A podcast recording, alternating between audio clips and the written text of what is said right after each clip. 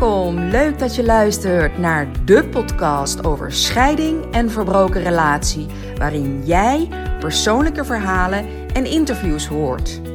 Uitdagingen, moeilijke situaties, wat doet het met de kinderen?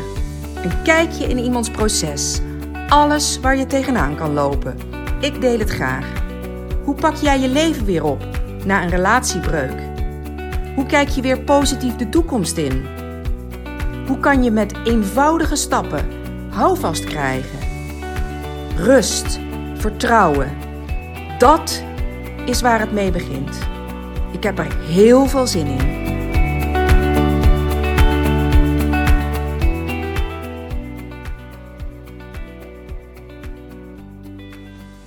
Ja, vanochtend uh, kreeg ik een telefoontje. En soms heb je één vraag nodig om geïnspireerd te raken. Vanochtend belde een cliënte. Eh, ze zit midden in haar scheidingsproces en ze wil graag advies over haar kinderen. En ze zei: Ik weet eigenlijk zeker, ik weet eigenlijk altijd wel zeker dat alles oké is. En dat het in de basis allemaal goed zit. Maar ze zegt: In de basis allemaal goed zit. Dat klinkt allemaal zo bla bla bla. En dat weet ik ook wel dat het goed is. Maar vandaag voel ik het gewoon even niet. Ik ben bang dat, uh, dat ze door mijn keuze helemaal verknipt raken. En dat is nou precies wat ze dus niet wilde. Dat wil ze haar kinderen dus niet aandoen. Ja, en ik dacht even na, en dat doe ik vaker als ik advies geef. Ik ga dan even terug naar mijn situatie, naar mijn ervaring. Ik probeer heel vaak vanuit gevoel een, uh, een, een antwoord te geven of een spiegel voor te houden, of misschien een advies te geven. En dat deed ik vanochtend dus ook. Ik maakte destijds die keuze voor mezelf. En voor mij was weggaan bij mijn ex de enige optie. En om heel eerlijk te zijn, zag ik ook de voordelen voor mijn kinderen. En dat deze vrouw, mijn cliënte, zich zorgen maakt, het is natuurlijk logisch. Ze maakt zich zorgen om haar kinderen, want zij maakt een keuze. En die kinderen, die worden daar ongevraagd in meegenomen. En als je het vraagt, dan zullen de meeste kinderen toch altijd kiezen om alles bij het oude te laten.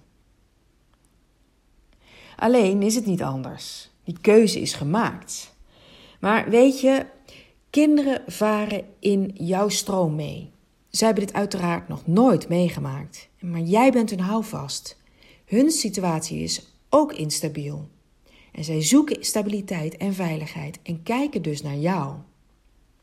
En dit alleen al zou de drijfveer moeten zijn er alles aan te doen die verantwoordelijkheid te pakken, je leven weer wat meer kleur te geven. En te werken aan datgene waar jij weer geluk in ziet en voelt. En zodat je kinderen dus ook gaan zien dat het goed met je gaat.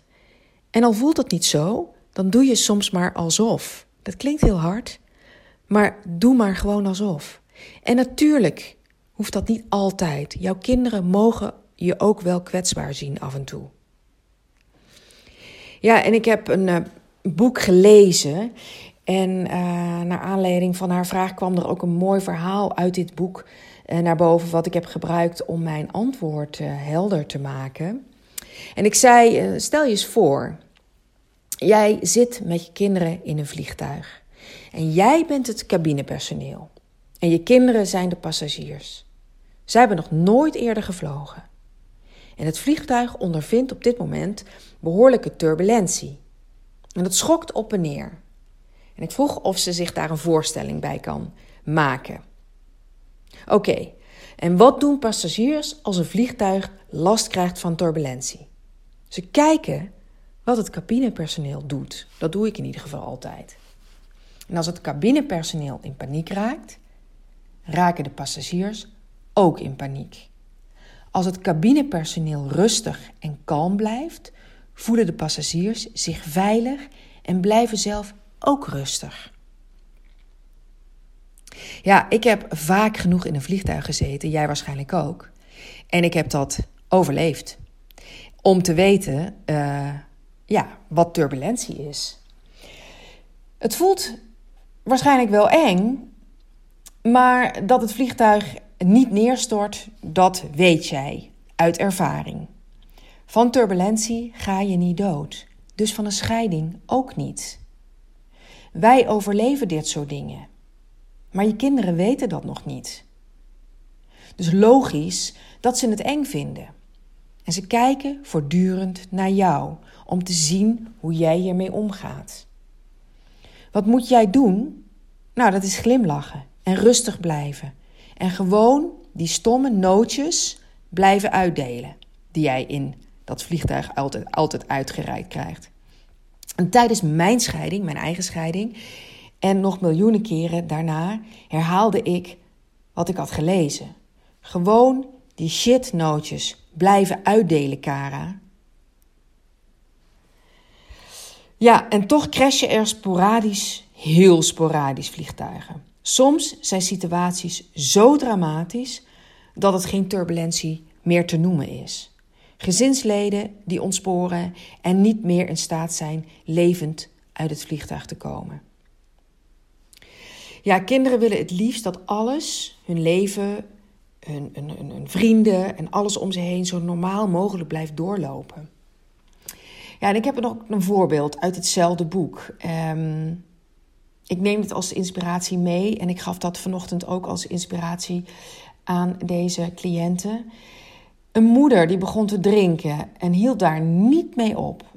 En ze wilde namelijk niets voelen. En haar kinderen moesten toezien in welke staat hun moeder zich dagelijks bevond. Zij was aan de zijlijn gaan staan. Zij was uit het vliegtuig gesprongen. En heel vaak dacht ik aan deze moeder en dit verhaal. Wat, en wat ze nog zou tegenkomen in haar leven. En op een dag, ik denk namelijk, op een dag zal ze terugkijken en met, met hoog opgelopen schuldgevoelens. Ja, we hebben geen invloed op de turbulentie of de heftige omstandigheden die, uh, die ons kunnen overkomen. De grote lijnen liggen grotendeels buiten onze invloedssfeer. Maar jij bepaalt wel de reactie hierop. Je bepaalt of je, of je uit het vliegtuig springt of dat je die leiding neemt. Als je kinderen hebt, moet je tijdens turbulentie gewoon die nootjes blijven uitdelen. Koken, wassen, vriendjes uitnodigen, spelletjes, alles wat normaal was, um, blijven doorzetten. Want dat is het enige wat kinderen willen. Kinderen willen dat het normaal blijft. Vasthouden aan normaal. En als het echte noodlot toeslaat, als het leven ons controleert of confronteert sorry, met een scheiding of een andere heftige situatie, bijvoorbeeld ziekte of dood of faillissement, ja, dan kijk dan naar die kleine kopjes en dan weet je dat zij net zo bang zijn als jij. En denk dan, dit kan ik niet aan. Wat denk je misschien? Dit kan ik niet aan. Ik kan die leiding niet nemen. Maar al kan ik het niet, ik doe het toch. En we gaan naast onze kinderen zitten. We draaien hun gezichtjes naar ons toe, zodat ze wegkijken van die chaos. En we pakken hun hand vast en dan zeggen we tegen ze: Ik ben hier, ik ben, je bent bij mij. En we blijven van elkaar houden. We vliegen door. Ik ben er voor je. Deze reis. En zo neem je een deel van hun zorgen weg. Je geeft ze de ruimte hun weg te mogen behandelen, bewandelen en hun leven te leven. Want zij weten dat er een veilige basis is en dat voelen ze, dat weten ze, bewust en onbewust. Ja, zoals ik net al zei, ik laat me heel graag inspireren door boeken. En ik ben erg visueel ingesteld. Waardoor uh, dit soort verhalen en voorbeelden bij mij heel goed beklijven. En uh, dit wilde ik, wilde ik je graag meegeven.